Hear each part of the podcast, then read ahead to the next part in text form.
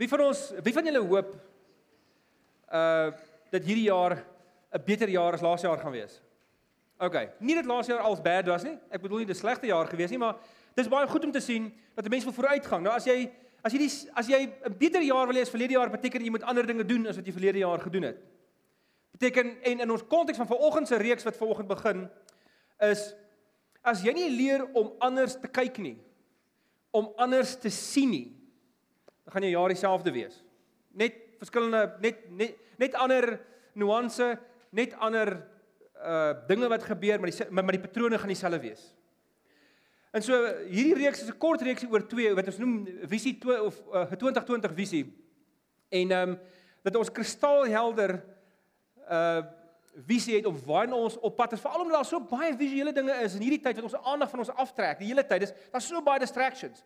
Daarom moet ons visie kristalkleer wees. Nou ek het altyd gewonder waarvoor staan 2020 en ek vergeet nie om vir om vir Pieter Nudee en vir Elise en 'n klomp van die optometriste hier in ons gemeente te vra, maar toe Google dit self en wat interessant is is ehm um, as jy byvoorbeeld 2000 visie het, dan beteken dit op 20 voet kan jy eers sien wat ander mense op 100 voet kan sien. Met ander woorde 2020 visies om te sê dis 'n normale manier van sien. Jy kan voor jou kyk, jy kan fokus, jy kan weet wat voor jou aangaan. Maar sig is 'n groot probleem. Ek onthou toe ek jonk was, eintlik baie baie klein, toe ek in laerskool was, het ek baie fisiese challenges gehad. Ek het gehakel. Ek het verskriklik erg gehakel. Ek het baie erger gehakel as die gemiddelde persoon wat hakel. Ek het van julle al vertel daarvan. Ehm um, jy weet as die gemiddelde ou wat hakel 'n hond sien verby hardloop dan het hy altyd gesê dit het daar gegaan die die ho, hond. Ek het gesê en dan dit is jou hond weg. Uh en maar maar ek het julle al van vertel. Ek het dis nie die enigste challenge wat ek gehad het nie. Ek het groot motoriese ontwikkelingsprobleme gehad. Ehm uh, my die dokter het van kleins af gesê het ek graad 2 as jy moet begin judo doen want dit gaan jou groot motoriese ontwikkeling help.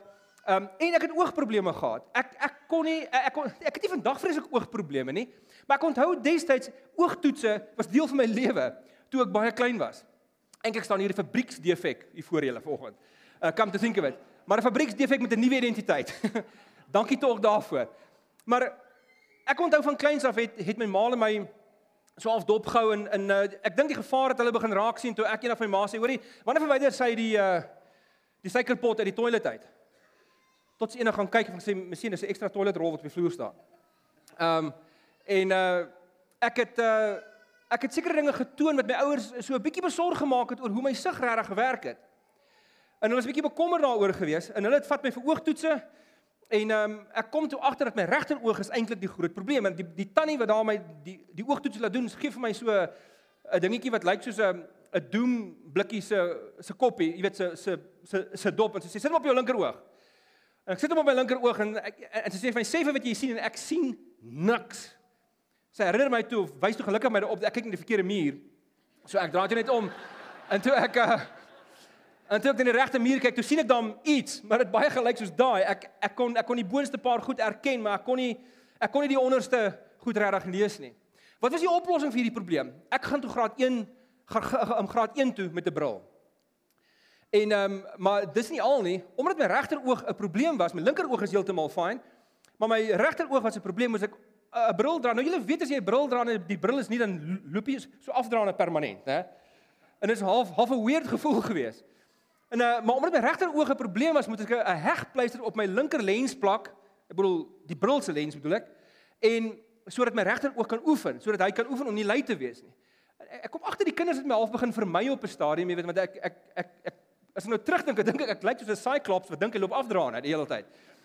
En ehm um, in elk geval uh dis dit is uh, wat ek gehad en rukkie terug het my oog baie mooi reg gekom. Ek kon die bril later afhaal en ehm um, ding het eintlik baie baie uh, goed geloop, maar my regteroog is vandag nog eintlik 'n challenge. My kollega spot my want ehm um, uh jy weet, hulle kan almal die teks van die Bybel wat hulle as hulle preek hulle van daai bord af lees. Ek ek kan dit nie lees nie. Ek kan dit so net net nie lees nie. Ek gaan dit te stadig lees. Julle gaan baie vinnig verby my gaan. Maar my dag het gekom wat my oë betref, waar ek vir almal gewys het hoe goed my oë eintlik is. en dis die dag toe ons stereogram wat jy gele gesien het. Daai 3D prente wat jy weet wat net so 'n klomp kleure is soos die netjie wat ons daarso sien, hè. Dis net so 'n klomp kleur en dan weet jy dat as jy nou mooi fokus en jou jou oë so weird maak en jy verloor eintlik swaar die oomblik wanneer jy begin visuele sig verloor, dan dan verander dit ewe skielik alles. Dan sien jy diepte. Dan sien jy ewe skielik 'n prentjie. Jy sien goed wat jy nie van tevore raak gesien het nie. Nou, aangesien ek anyway half skeel was, kon ek dit goed net so sien. Baie vinnig. Tot frustrasie van my hele familie. Want dit vat hulle heelwat langer om te sien wat ek kon sien. My sussie het gesê, "Man, jy praat sommer nonsens, daar's niks." Jy weet. Jy jy jy, jy verbeel jouself. En ehm um, en uh tot ek natuurlik later vir haar gesê het wat ek sien, jy weet ek sien 'n visie of ek sien 'n brommer of ek sien 'n 'n klomp blomme of wat ook al en jy weet 3 weke later dan sien sy dit ook en weet sy nou ek was reg. Maar hierdie ding het my nogal baie geleer oor wat oor wat geloof presies is. Want die geloof is so dat baie mense kyk na Jesus of kyk na die Bybel, kyk na die wêreld, kyk na die realiteit en hulle kyk en hulle kyk en hulle kyk en hulle kyk en hulle sien net twee dimensies. Hulle sien net plat. Hulle sien net dit wat jy kan sien, hoor, voel, raak. Hulle sien nie dieper nie. Daar's nie diepte tot wat hulle sien nie. En hierdie mense wat dit kan raak sien nie, dis nie dom mense nie. Hulle is nie onnoosel nie. Dis baie keer goeie wetenskaplikes. Dis mense wat wat baie intelligent is, wat ook goeie oë het andersins. Wat 2020 visie het andersins, maar hulle kan nie die diepte raak sien nie. Nou kom ek hoor net gou-gou. Wie van julle as jy nou daai stereogram, daai 3D prent, wie sien gewoonlik die 3D gedeelte? OK. Wie wie wie sien dit nie? Ek wil nie uh, OK. So so so 50-50. Uh Nou die van julle wat nie kan sien nie, glo maar net die wat julle kan sien. Dis eintlik hoe geloof werk. Nie almal van ons het dieselfde vermoë om God ewe goed waar te neem nie. Dis oké. Okay. Maar weet jy wat, as as jy deur 'n donker tyd gaan en dit is vir jou moeilik om God raak te sien byvoorbeeld, dan is dit oké okay om tydelik ten minste vir 'n ruk staat te maak op die geloof van mense wat jy vertrou wat sê ek sien hom regtig, ek vertrou hom regtig. Ek bedoel nie dat jy nie vir jouself moet dink nie. Maar ons dink baie keer heeltemal te individualisties oor geloof. En daarom het nie almal van ons dieselfde vermoë om God te observeer nie, om sy teenwoordigheid te beleef nie. Dis alraait. Maar vriende, as ons 'n beter jaar wil hê as verlede jaar, 'n dieper jaar, 'n jaar waarin ek beter groei, waar my familie kan sien, wow, on, ons pa, ons man dien ons regtig hierdie jaar met confidence en met nederigheid en met pa regtig kan sien, wow, kyk hoe groei die kinders. As ons regtig so 'n jaar wil hê waar ons ontwikkel, dan beteken dit ons moet leer om dieper te kyk. Ons moet leer om anders te sien. Ons moet ons moet seker maak dat ons ons sig oefen. En uh dat dat dat ons leer hoe om reg te kyk en, en dit is terloops. Dit is wat eintlik waar meeste van die goed in die, in die gemeente gaan. Infusion waarmee ons besig is, ook selfs Awaken en ehm um, on route uh ons Bybelskool wat ons het is het alles te maak met om ons almal te help om Jesus duideliker te sien, om om beter sig te hê sodat ons beter besluite ehm um, beter besluite kan neem. Ek het nou van onroet gepraat en ek het vir die ouens gesê hulle hoef dit nie in die afkondigings te sit nie want ek gaan dit sommer in die boodskap noem. Maar dis een van die dinge wat jou sig verbeter is natuurlik die Bybel. En ehm um, ons het daarom begin ons die 5de Februarie, Woensdag aan die 5de Februarie begin ons hierdie jaar met ehm um, met met 'n reeks. Ons gaan 'n bietjie hierdie jaar op die Ou Testament fokus. Ons het nog net op die Nuwe Testament gefokus. Een jaar het ons uh, Genesis 1 tot 11 gedoen, maar dis al. So ons gaan die drie Ou Testament boeke neem wat die heel meeste aangehaal word in die Nuwe Testament. So vir die Nuwe Testament was hierdie was hierdie die belangrikste boeke. En dis die boeke Genesis, Deuteronomium en Jesaja. So die eerste kwartaal gaan ons net Genesis doen, die hele Genesis. Nie net uh, Genesis 1 tot 11 nie. Jy hoef nie in te skryf of jy hoef nie nou in te skryf daarvoor nie. Jy kan net Woensdag aand die 5de eh, Februarie opdag. Dit gaan R150 per persoon wees. En jy is welkom om ons te join. Maar hier is die belangrike ding. Ek wil môre vir jou vra. Hoe lyk jou sig? Hoe lyk jou visie? Nou in die Bybel het ons 'n verhaal wat gaan oor blindheid en sig. Daar's eintlik heelwat sulke verhale in die Bybel, maar die, vir my is die mees prominente ene, die ene wat afspeel in Johannes 9. Nou ek gaan eers vir julle 'n bietjie agtergrond daaroor gee en dan gaan ek vir julle hier en daar dat ek 'n paar punte en dan sal ek daarby 'n paar teksgedeeltes lees. Maar Jesus is saam met sy disippels. Hulle bring 'n blinde persoon na hom toe en hulle hy sê hoor hierdie persoon is blind en uh en sy disippels vra nog vir hom Here as gevolg van wie se sonde is hy blind? Sy eie of sy ouers se? Want in daai dae het hulle geglo dat dat dit is jou sonde wat jou siek maak. Dis jou sonde wat jou blind maak. Dis 'n teken dat God nie met jou is nie. Dis hoekom jy gebreke het. En uh, Jesus skiet natuurlik hierdie teologie in die voet. En hy sê dit werk nie so nie. Die Here het sy eie redes waarom hierdie persoon nie kan sien nie. En uh dan uh, spoeg Jesus op die grond en maak so modder met sy met sy uh, vinger en hy smeer dit op die blinde se gesig en hy sê vir hom gaan was jou in die Siloam bad en dan kom jy terug. En die ou gaan was hom toe en toe hy die die modder van sy oë afvee, toe daag lig vir hom op. Hy kan sien. En dan gaan weer 'n klomp interessante goed. Hy hy loop in die Fariseërs vas. En die skrifgeleerdes, Johannes Evangelie praat van eintlik van die Jode. Hy loop in hulle vas en hulle sê vir my, hoorie, maar jy, hoekom sien jy? En en hy sê, "Wel, hierdie ou was daar en hy het nie geweet wie dit is nie. Ehm um, jy weet en hy het modder op my oë gesit en weet en nou kan ek sien." En toe gee hulle hom 'n gewellige klomp gas. Hulle ondervra hom, hulle roep sy ouers in en hulle ondervra hulle want hulle verstaan nie wat gaan hier aan nie. En, en natuurlik het Jesus hierdie op die Sabbatdag gedoen. So hulle is agter Jesus aan om hom te vervolg. Weet hoekom het hy hierdie goed op die Sabbat gedoen? Maar die ironie van hierdie storie, daar's 'n groot stuk ironie in hierdie storie.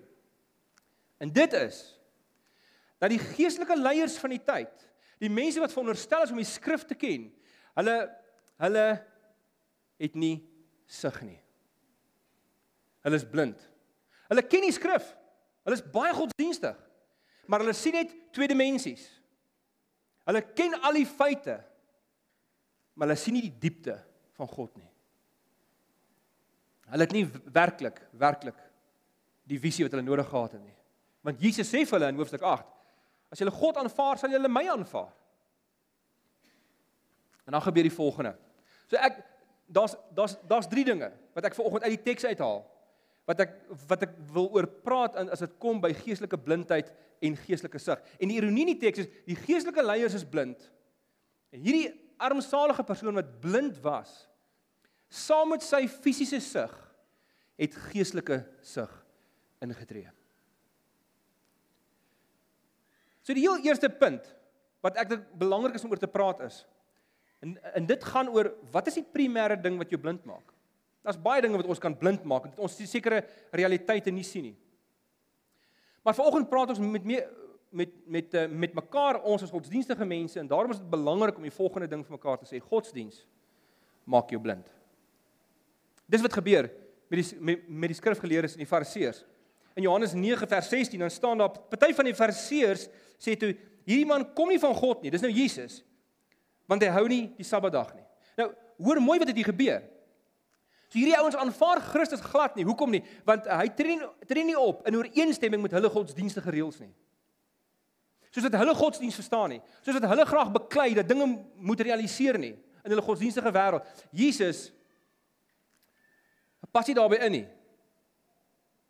Ehm um, in Johannes net so 'n paar ente verder in vers 35 gaan sien ons en toe hy hom kry, vra hy vir hom, dis Jesus vra vir die blinde Glo jy in die seun van die mens? Dis nou eintlik aan die einde van die storie, na alles omtrent klaar is. Hy het geantwoord: "Wie is dit, meneer?" sodat ek in hom kan glo. Jesus het vir hom gesê: "Jy sien hom. Dis hy wat met jou praat." Die man sê toe: "Ek glo, Here." En hy het hom aanbid. Toe sê Jesus: "Ek het na hierdie wêreld toe gekom met die oog op 'n beslissing, sodat die wat nie sien nie kan sien en die wat sien kan blind word." Nou kom ons begin by die laaste gedeelte. Sodat die wat sien kan blind word. Onthou hy verwys hier na die storie wat afgespeel het. Hy verwys hier na die skrifgeleerdes en die fariseërs. Mense wat dink hulle kan sien. Daarom noem hy hulle dis mense wat sien. Mense wat wat dink hulle kan sien is gewoonlik die blindes. Mense wat so seker is van hulle self, wat so seker is dat hulle wat so oortuig is dat hulle hierdie ding reg het, dat hulle dat hulle hierdie ding verstaan, dat dat dat hulle, dat hulle eintlik amper kokkie raak daaroor. Dis gewoonlik die mense wat blind is. En Jesus sê ek het gekom om sig te bring. Ek het gekom sodat jy die wêreld kan sien soos wat hy is. Ek het gekom sodat jy die realiteit kan waarneem. En natuurlik is die boodskap van hierdie ganse teks is dat Jesus is die een wat vir jou sig gee. Nie net in hom nie, maar om die wêreld beter te verstaan. Maar sien godsdiens kan jou blind maak. Want sommige mense gebruik godsdiens om net hulle eie selfsugtige begeertes mee te bevredig. Net om vir hulle sekere sekerhede te gee, om vir hulle sekere mag te gaan gee, om hulle lewenstyl te kan regverdig of justify. En sulke mense raak vreesbevange wanneer dinge verander. Wanneer God nuwe dinge doen, raak hulle vreesbevange. En omdat hulle mense wat vreesbevange is, raak aggressief. Hulle begin uh beklei vir hulle eie mag, dit maak hulle pessimisties. Hierdie ouens het pessimisties geraak. Dit kan nie God wees wat hier optree nie. Dit kan nie 'n wonderwerk wees wat gebeur nie. Wat het regtig met jou gebeur? Vra hulle vir die blinde ou. Wie het jou gesond gemaak? Dis onmoontlik.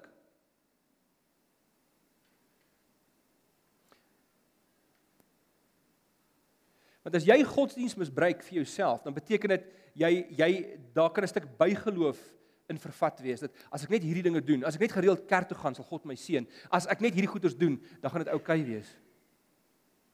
Maar mense met 2020 visie is mense wat nie net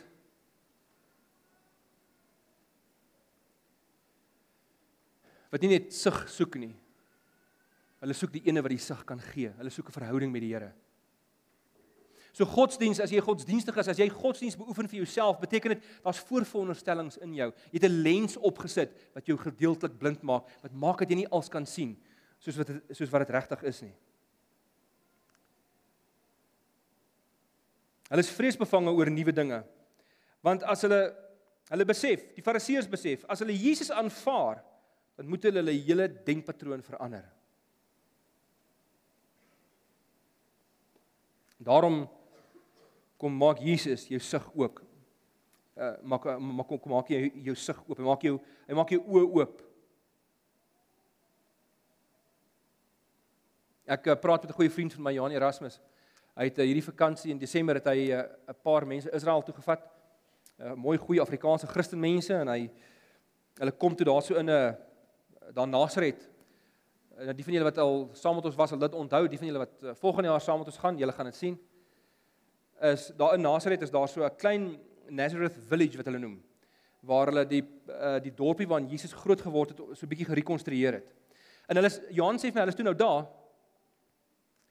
En uh hier hierdie is Christen mense. En daar's 'n vroutjie wat vir hulle so 'n mooi lesentjie gee en sy um, so diep uit haar hart uit. Hy sê dit was so touching en sy praat oor oor rasisme en hoe en hoe verkeerd dit is en hoe dit dit glad nie versoen kan word met die evangelie nie en almal is half bewoe en trane en is 'n beautiful oomblik. En toe hulle uitstap, stap Johan so agter een van die vrouens en sy kyk op en sy sê: "Mense kan sien ons is nie in Afrika nie, want as ons in Afrika was het die kaffers al lankal hierdie goeders gebreek."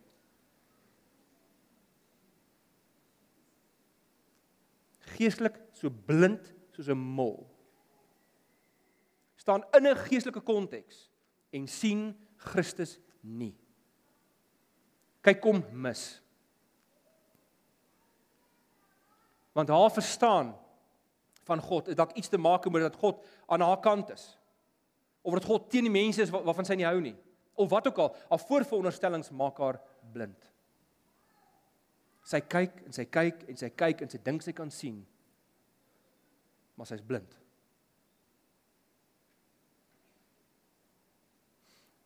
In vers 35, ehm, um, ekskuus, ons het daai gedeelte gelees. Ehm um, Die Fariseërs was blind. Want hulle sien ook nie die blinde man nie. Hulle sien nie hom as 'n mens nie. Ek bedoel, het jy al gewonder as ek as ek nou regtig wetties oor die Sabbat was, maar ek sien hier's 'n ou wat blind was van geboorte af. Terloops, was hy blind en nou sien hy. Sal ek weer 'n high five? Ek sê, "Hey man, hier, wat het gebeur? Vertel my." As ek bly jy kan sien. En dan sal ek nou regtig later vra, "Hoorie, by the way, weet jy nou op die Sabbat, jy weet, wat ek nie net gaan vind?"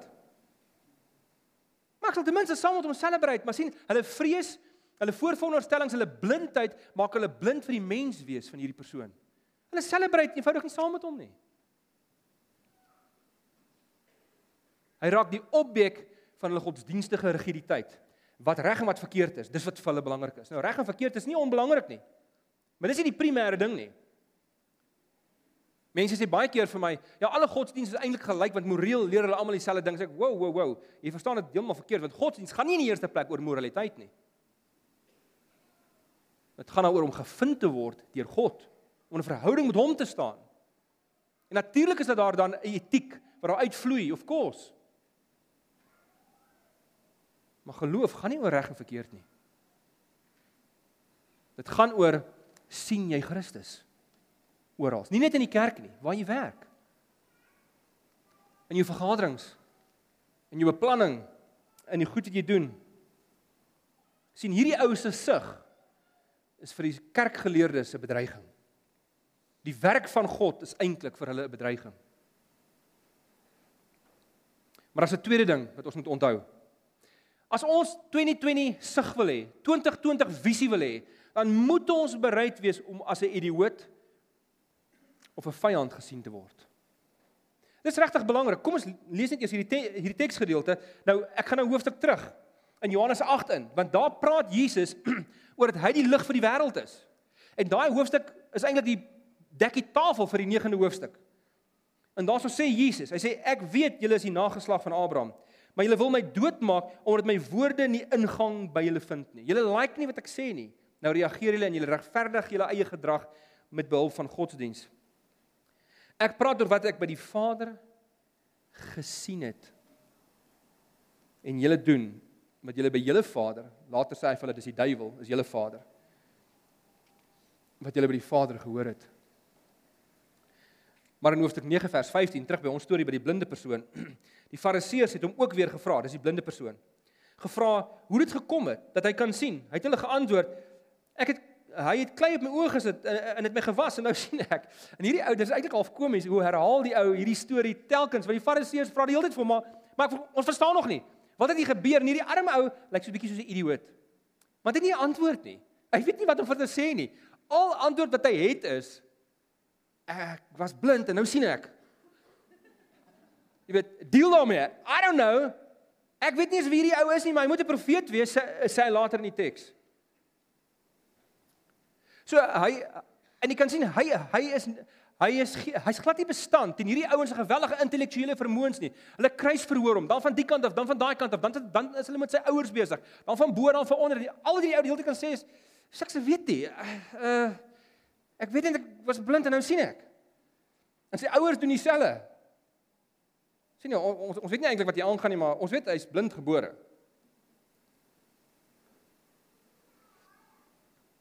Want as jy 2020 visie het, dan loop jy vas in die blinde meerderheid. Wat nie verstaan wat jy sien nie. Met hierdie stereogramme, ek kom agter, jy kan vir iemand nie eintlik verduidelik hoe om daai drie dimensies raak te sien nie. Jy kan jy kan vir hulle sê nee, jy moet maar jy oefen, jy moet my oë oefen en try verskillende goed. Maar dis al wat jy kan doen. Jy kan nie eintlik vir hulle sê nee, as hulle dit nie sien nie, kan jy niks daaraan doen nie. Hulle moet dit self sien.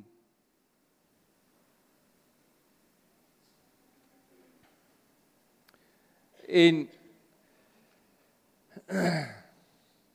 so jy jy loop vas in die in die verwarde meerderheid vir wie jou sig 'n groot probleem is.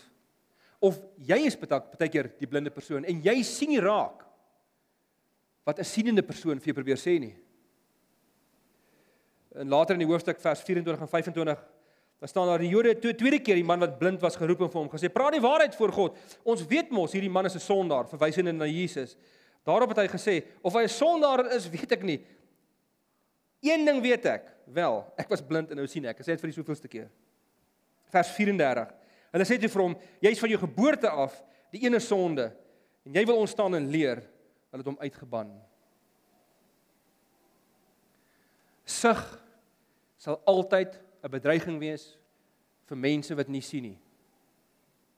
En daarom as ek en jy geestelike visie wil hê, Dan moet ons bereid wees om in die minderheid te wees. En baie keer dink ons, ons kan net vir iemand verduidelik wat ons glo en verstaan, dan hulle dit ook so verstaan. En wie party mense gaan net nie. Ons probeer baie keer heeltemal in die kerk te hip wees, te cool wees met die wêreld, te in, te te net soos hulle. Ons vergeet dat ons is in hulle oë eintlik 'n idiot. Ons is die idiots van die wêreld soos hierdie blinde ou. Hy het net nie antwoorde gehad nie. Trouwens, soos my sussie wat vir my gesê het oor die 3D prent, ek is ek het illusies, sê sy. Jy's delusional, het sy vir my gesê. Totdat sy dit 3 weke daarna dan ook sien. Toe besef sy sy wat verkeerd was. Baie min kere ek het nooit 'n fight met my sussie gewen nie. Hierdie is die enigste een. Ek kan kan dink. Maar Maar daarom kan ek en jy, daarom sal sug altyd aan ons pad staan of liewer ons ons onwilligheid om 'n idioot te wees of om iemand se vyand te wees sal in ons pad staan dat sug vir ons opdaag. As ons graag wil inwees by die meerderheid sal sug nie vir ons opdaag nie. Jy gaan later net so blind soos hulle wees, want jy gaan hulle jy gaan jy gaan hulle probeer please onbewuslik of bewuslik die hele tyd. En dit is altyd van snaaks hoe ons Christene geloof wil koel cool maak. En dis ook alright, ek bedoel daar's baie wonderlike dinge van ons geloof obviously, waarmee die wêreld sal en kan relate en ons moet dit vir hulle uitlig. Dit's baie belangrik. Maar almal wil warriors vir die Here wees. Wie hoe min kom die woord warrior in die Bybel voor? Bittermin. Wie weet kom baie meer voor? Skaap. Niemand wil 'n skaap vir die Here wees nie. Nee nee, warriors, mighty men. nee. Jy's maar 'n skaap, bietjie onnoosel, baie leiding nodig. As jy nie bereid is om dit te wees nie, sal sig nie vir jou opdaag nie. Of uh Paulus se grootste manier waar uh hoe hy homself identifiseer in sy briewe. Is hy's 'n slaaf.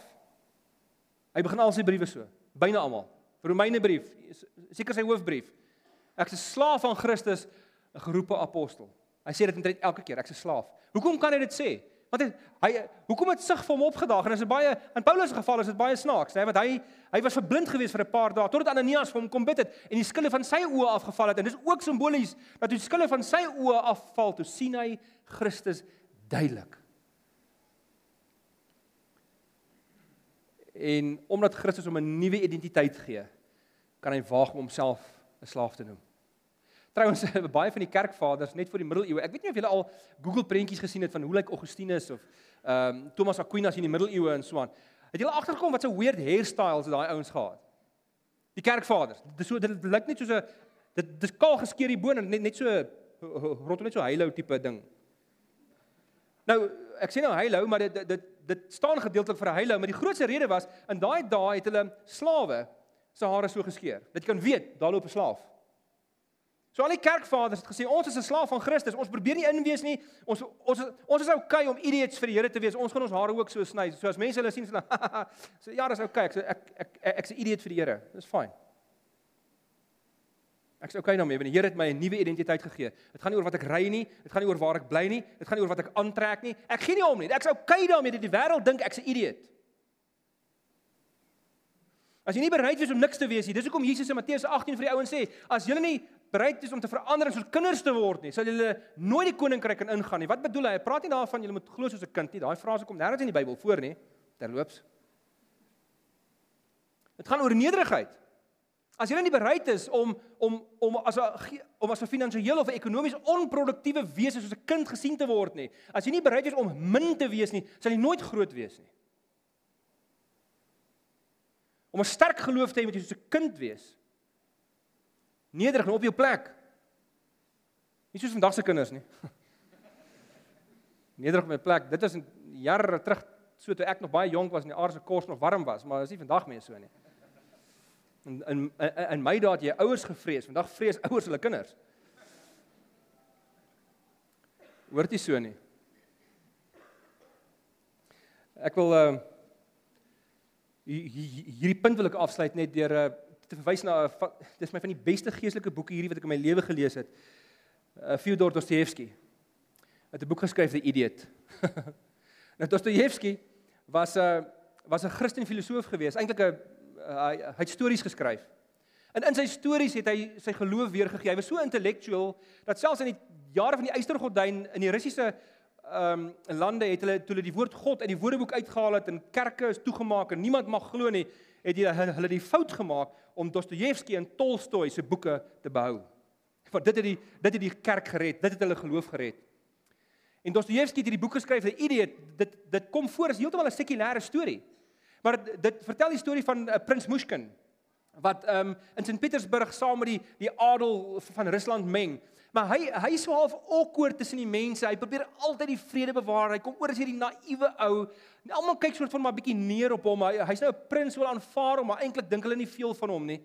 En hy word gereeld in hierdie boek hierdie gesig geklap omdat hy probeer om ehm um, argumente en verneinige bekleierheid tussen mense te stop. Dan slaan hulle hom. Maar soos wat die boeke aangaan, dis 'n baie die mekaar boek. Dis nie vir so 'n great boek om te lees nie, frankly, maar 'n ongelooflike boodskap.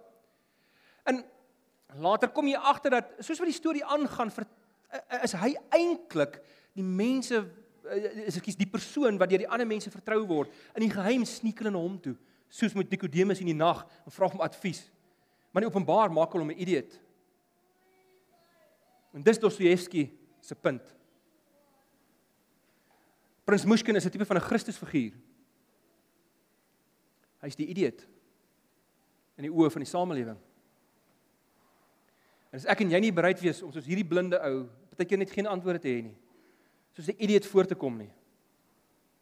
Dan sal sug nie vir ons opdaag nie. Ek ek hoop regtig waar dat hierdie jaar vir julle een sal wees waar hulle waar hulle sug sal toeneem. Vandag praat ons net so 'n bietjie oor die teologie van sug en van geestelike insig. Volgende week gaan ons prakties sê hoe reageer ons gemeente daarop en watse challenges gaan ons mekaar gee hierdie jaar.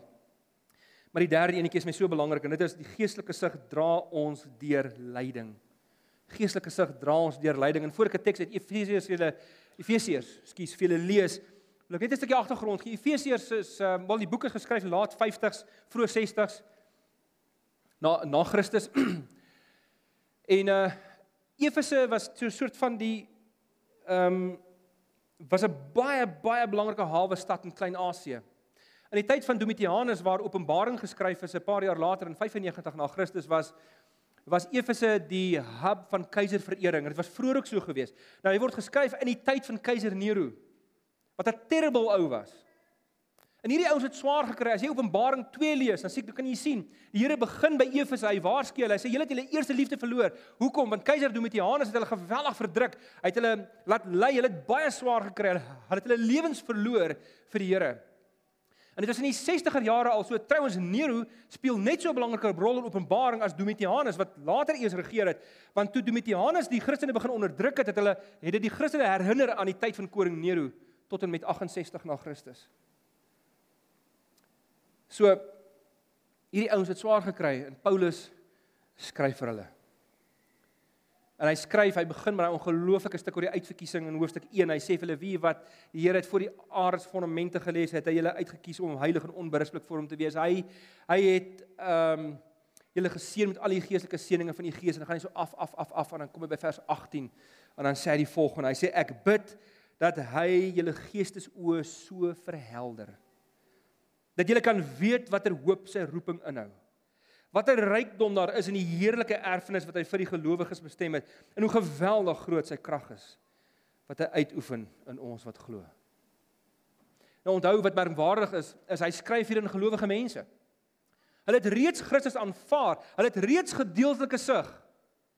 Maar dis asof Paulus wens hulle gesig wil nog vermenigvuldig, wil nog eksponensieel toeneem. Dis asof hy sê, julle sien al die deur, naamlik Christus. Julle sien hom al, julle is deur hom, maar julle maar het julle het hom nog nie toegelaat om julle oë werklik in totale omvang oop te maak nie. Hy sê ek bid dat die Here, julle gelowiges vir wie ek skryf, vir wie ek lief is, by wie ek gaan kuier het vir 2 en 'n half jaar. In uh, Handelinge 19 vertel vir ons die storie. Ek bid dat julle dat God julle geestesoë so se verhelder sodat julle drie goed sal sien. Julle sien reeds Christus maar dat jy hom sal toelaat om julle oë oop te maak sodat jy kan sien wat sy hoop, sy roeping inhou. Hoe amazingly ryk jy is in hom. Terwyl jy swaar kry, terwyl dit met jou moeilik gaan. En ek bid dat jy sal besef hoe groot die krag is. Wat 'n voorreg dit is om met die God van die heelal in jou lewe binne in jou rond te loop en deur sy oë na hierdie wêreld te kyk. Ek wens julle geestesoë kan verhelder word. En daarom is iemand wat gedurig moan om die braaivleisvure jy weet vergelyk dit met die pessimisme van die fariseërs en die skrifgeleerdes. Nee, God kan nie hierin wees nie. Ek's 'n gelowige, maar o, oh, Ramaphosa se moeilikheid, ek weet nie wat in hierdie land gebeur nie. Jy moet nou kies wat wil jy wees? Gelowig of pessimisties? Want sien, maak nie saak wat gebeur nie. Een met 2020 vision is iemand wat buitentoe stap en sê ek ek kyk op en daar bo sien ek Christus op die troon. En ek kyk af en ek weet hy's die rots waarop ek staan. En jy kyk terug. En as jy terugkyk, sien jy die kruis van Golgotha vir jou. En jy kyk vorentoe en jy sien Christus vir jou wink. tot in die ewigheid. Iemand met geestelike sig praat anders. Sy doen anders. Sy maak haar kinders anders groot. Wat hulle nie doen nie is hulle sê nie aan die een kant hulle glo en dan maak hulle aan die ander kant maak hulle opmerkings asof God glad nie bestaan nie. So ons glo Christelik, maar ons leef ateïsties.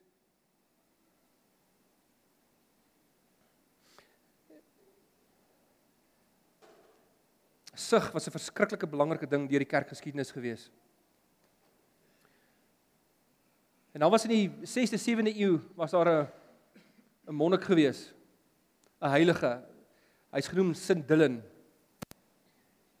En hy hy wou 'n lied skryf oor hy het besluit om 'n lied te skryf oor God wat die lig is vir hom in in die lig vir die wêreld. Hy het veral teruggewys na St Patrick toe wat sekere dinge gedoen het vroeër in die geskiedenis. Dis nie op hierdie stadium nou belangrik nie en hy wil dit celebrate deur hierdie song wat hy geskryf het. Maar daar's 'n ander probleem in Sint Dylan gehad het. Hy was besig om blind te word. Hy was besig om sy fisiese sig te verloor. En dis wat gemaak het dat hy daai song op daai oomblik geskryf het. En hy het die song net genoem, hy het, hy het hom natuurlik in Kelties geskryf, het in Ierland groot geword. En hy's later vertaal in Engels. En die song se naam is net Be Thou My Vision. Be Thou My Vision. Here, ek kan nie meer sien nie. Wees U my sig. Laat U teenwoordigheid my lig wees. Wil ek moet vir julle sê hierdie song is my baie persoonlik want ek en my vrou hierdie week in die kar gery. En toe ons hierdie song luister, toe begin ek chunks as 'n baba want Ek ken iemand in ons gemeente wat besig is om haar sig te verloor.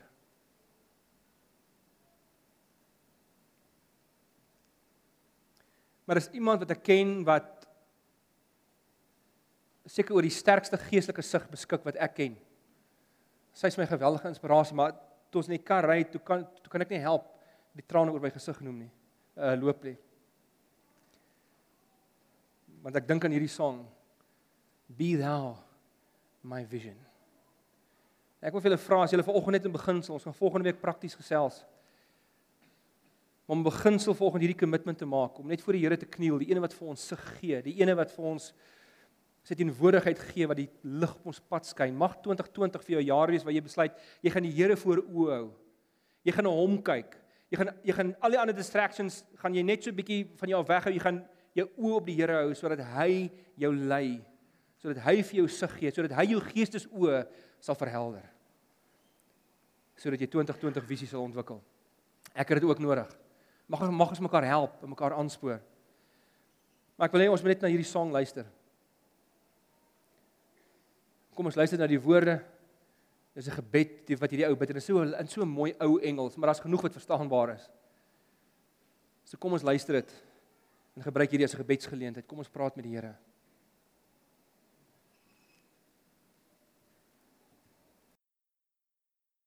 Lewende Here. U hoor ons harte, Here, en U hoor ons gebede. En al wat ons vanmôre vir U wil vra is, Here, dankie dat U ons oë oopgemaak het.